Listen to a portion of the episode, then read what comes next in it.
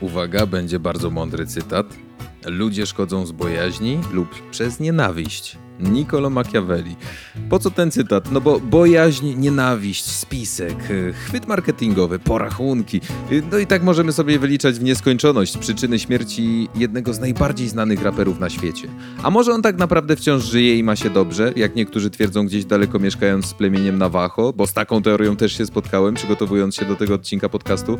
Dobrze, to może po kolei. Ja nazywam się Mateusz Opyrchał, a to jest podcast Poznaj tajemnicze okoliczności śmierci gwiazd. Ostatnie dni legendy. Tupac Amaru Shakur. To jego dotyczy odcinek, którego właśnie słuchacie. I dzięki, że jesteście w kolejnym odcinku. A cytat, który przywołałem na początku, moim zdaniem bardzo pasuje do tej historii i nieprzypadkowo jest to Niccolo Machiavelli. Jedna z największych inspiracji Tupaka. Co więcej, Machiavelli to przecież jeden z pseudonimów rapera. I tak myślę, że to jest wyjątkowy odcinek nie tylko dlatego, że będziemy sporo o gangsterskich porachunkach sobie tu mówić. Rzadko kiedy słyszy się o tym, że jakaś gwiazda zginęła w wyniku strzelaniny, prawda? Będzie wyjątkowy dlatego, że te ostatnie dni życia nie będą nas interesowały tak bardzo, jak to, jakie konsekwencje śmierć Tupaka wywołała. Powinienem być bardziej obiektywny pewnie i zauważyć też tę drugą teorię, że on wciąż żyje. No, no tak, no. to jeszcze raz. Jakie konsekwencje śmierć albo ukartowana śmierć Tupaka wywołała? No teraz zdecydowanie lepiej.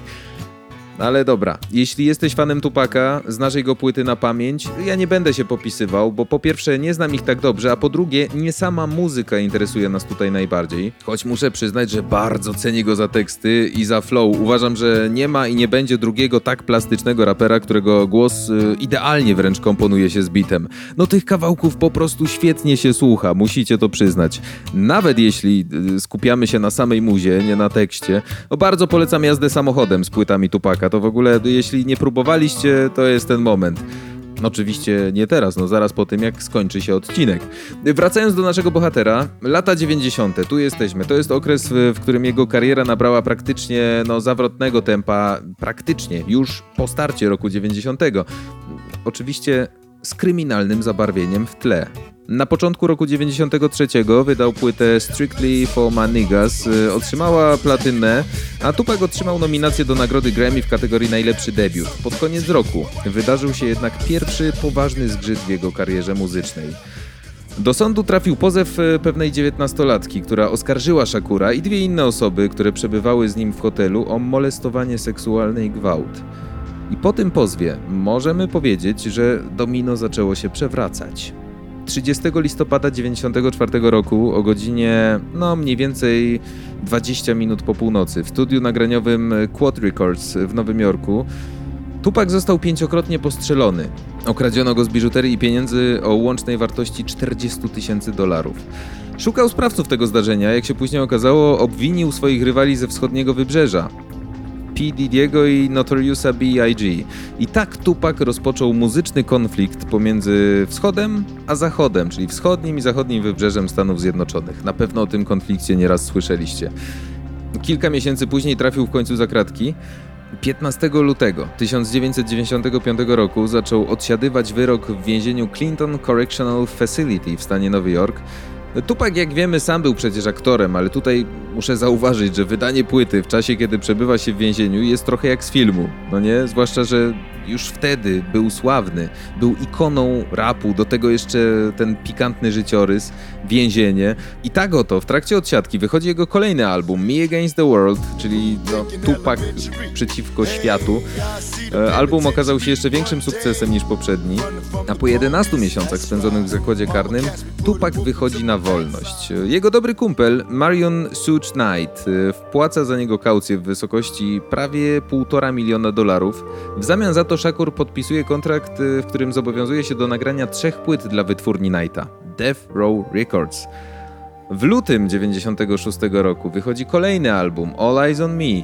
Do kin trafiają kolejne filmy, w których no przecież niemałe role gra Tupac. Wszystko kręci się wręcz idealnie.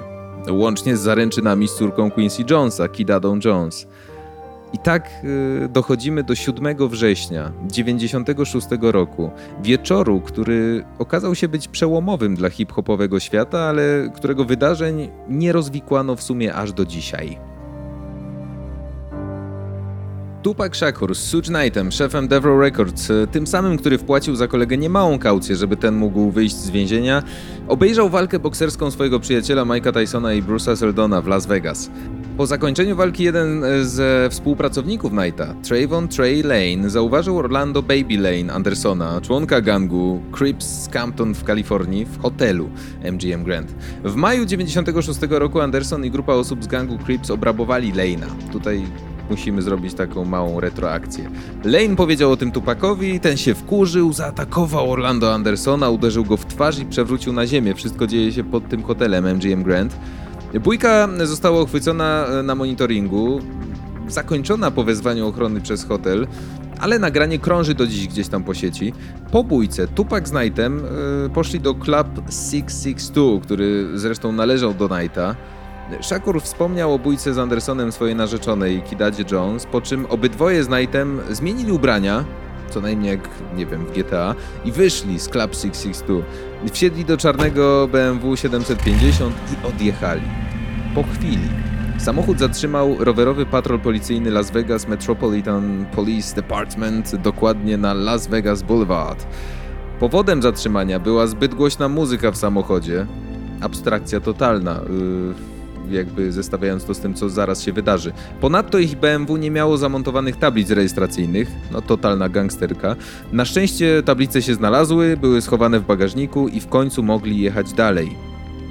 O 23.10 zatrzymali się na czerwonym świetle na skrzyżowaniu East Flamingo Road i Kowal Lane przed hotelem Maxim. Wtedy z lewej strony podjechał pojazd, w którym siedziały dwie kobiety, bardzo atrakcyjne kobiety. Szakur otworzył okno swojego BMW, porozmawiał chwilę z tymi dziewczynami, zaprosił je oczywiście do klubu 662. No, wszystko miało się skończyć e, pięknie, natomiast 5 minut później do samochodu podjechał biały, czterodrzwiowy Cadillac, w którym siedziało czterech facetów. Jednym z nich był Orlando Anderson, siedział z prawej strony na tylnym siedzeniu. Przez pasy przechodził tłum ludzi, dlatego samochody no, nie mogły szybko odjechać a przez uchylone okno padło tego wieczoru 12 strzałów w kierunku Shakura. Trafiły go cztery pociski wystrzelone z Glocka, dwa w klatkę piersiową, jedno w ramię i jedno w udo. Jedna z kul dostała się też w prawe płuco Shakura. Jakiś odłamek trafił w producenta muzycznego, z którym jechał. Jednak Suge Knightowi udało się jakimś cudem odjechać ze skrzyżowania, ale ich BMW złapało kapcia. Pomimo, że Knight był ranny i pojazd miał przestrzeloną oponę, był w stanie odjechać z miejsca zdarzenia do Las Vegas Boulevard i Harmon Avenue. Po drodze zostali też zatrzymani przez patrol, który zaalarmował sanitariuszy przez radio. Ale gdy w końcu karetka przybyła na miejsce, policja i sanitariusze zabrali Knighta i Shakura do szpitala w południowej Nawadzie. Osoby odpowiedzialne za zamach na Tupaku podobno potem e, dzwoniły do wytwórni Death Row Records z pogróżkami. Była obawa, że przyjadą do szpitala, dokończą to, co zaczęli na skrzyżowaniu. Tak się jednak nie stało. Tupak został przeniesiony na oddział ratunkowy. Jego stan no, nie zwiastował żadnej poprawy. Został poddany śpiączce farmakologicznej. Odwiedzała go w tym czasie jego narzeczona. Kidada Jones. Dzień po strzelaninie przyjaciel Tupaka, Knight, został zwolniony ze szpitala, ale nie chciał rozmawiać z policją. Jak wspominają funkcjonariusze, jak gdzieś tam doczytałem, yy, mówił coś w stylu, yy, coś tam słyszał, ale nic nie powiedział, tak naprawdę. Jednym słowem, nie chciał współpracować. W szpitalu przyjaciele Tupaka, członkowie grupy Outlaws, cały czas e, czuwali przy jego łóżku, no w obawie, że sprawcy po prostu przyjdą i będą chcieli go wykończyć. 13 września jednak Wciąż 96 roku doszło do niewydolności oddechowej. Po usunięciu prawego płuca serce Tupaka po prostu się zatrzymało. Lekarze podjęli się reanimacji, ale krwotok był zbyt duży. Matka Tupaka, Afeni Shakur, podjęła wtedy decyzję o zaprzestaniu leczenia. Tupak Shakur zmarł o godzinie 16.03. Do ostatnich sekund nie chciał wyjawić lekarzom ani policjantom żadnych szczegółów z miejsca zdarzenia. Gdyby to jednak zrobił, może nie musielibyśmy żyć w tej zgadywance przez kolejne 24 lata. Informacja zszokowała cały muzyczny świat, zwłaszcza jego przyjaciela Snoop Dogga, który, jak wspomina na nagraniach krążących po sieci, siedział w domu, grał na konsoli, w pewnym momencie włączył wiadomości i po prostu nie mógł uwierzyć w to, co zobaczył w telewizji. I was at Warren G's house in the living room. I think we was playing a video game.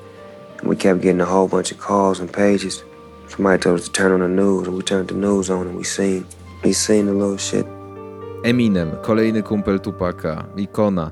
Wspomina, że do dziś pamięta ten dzień dokładnie. Pracował wtedy w restauracji i wszyscy na stojąco gapili się w telewizor. When I heard that Tupac died, I was cooking in a restaurant. It was a sports bar, so there was a big uh, TV screen, and we all just kind of watched it, just like, you know, just dazed.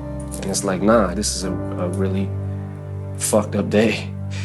For the longest, Przed stacją radiową w Las Vegas, Radio Hot 97, to jest największa hip-hopowa stacja radiowa na świecie, zgromadził się wtedy tłum zrozpaczonych fanów. Słuchali kawałków Tupaka, chcieli w jakiś sposób oddać mu hołd. Do dziś e, pojawia się tysiące pytań w związku ze śmiercią ikony rapu. Kto strzelał? To jest dobre pytanie. No na pewno najważniejsze w tym wszystkim. Najprawdopodobniej członkowie gangu Southside Crips y, z Andersonem na czele. Dlatego, że Tupac y, pobił ich trzy godziny przed strzelaniną pod hotelem MGM Grand w zemście za kradzież na jego kumplu. Czy naprawdę, nie wiem, Złoty Łańcuch był winny śmierci jednego z najważniejszych raperów na świecie? No trochę to dziwne, a jednocześnie przerażające. Że porachunki potrafią zniszczyć ludzkie życie, no które przecież powinno być bezcenne i jest bezcenne. Andersona i innych członków gangu zatrzymano miesiąc po strzelaninie, no jednak to zatrzymanie nie miało nic wspólnego z zabójstwem Shakura. Chodziło raczej o handel narkotykami, kradzieże itd., itd. Dlatego zaraz po przesłuchaniu gangster wyszedł z aresztu, ale mimo braku oficjalnego wyroku, to właśnie Anderson był uznawany za winnego śmierci Tupaka. On najbardziej. Dowodów nie było, dlatego Anderson złożył pozew o odszkodowanie przeciwko rodzinie i wytwórni Tupaka. Domagał się pieniędzy za pobicie w hotelu. Zawarto ugodę, Anderson y, ponoć otrzymał 78 tysięcy dolarów.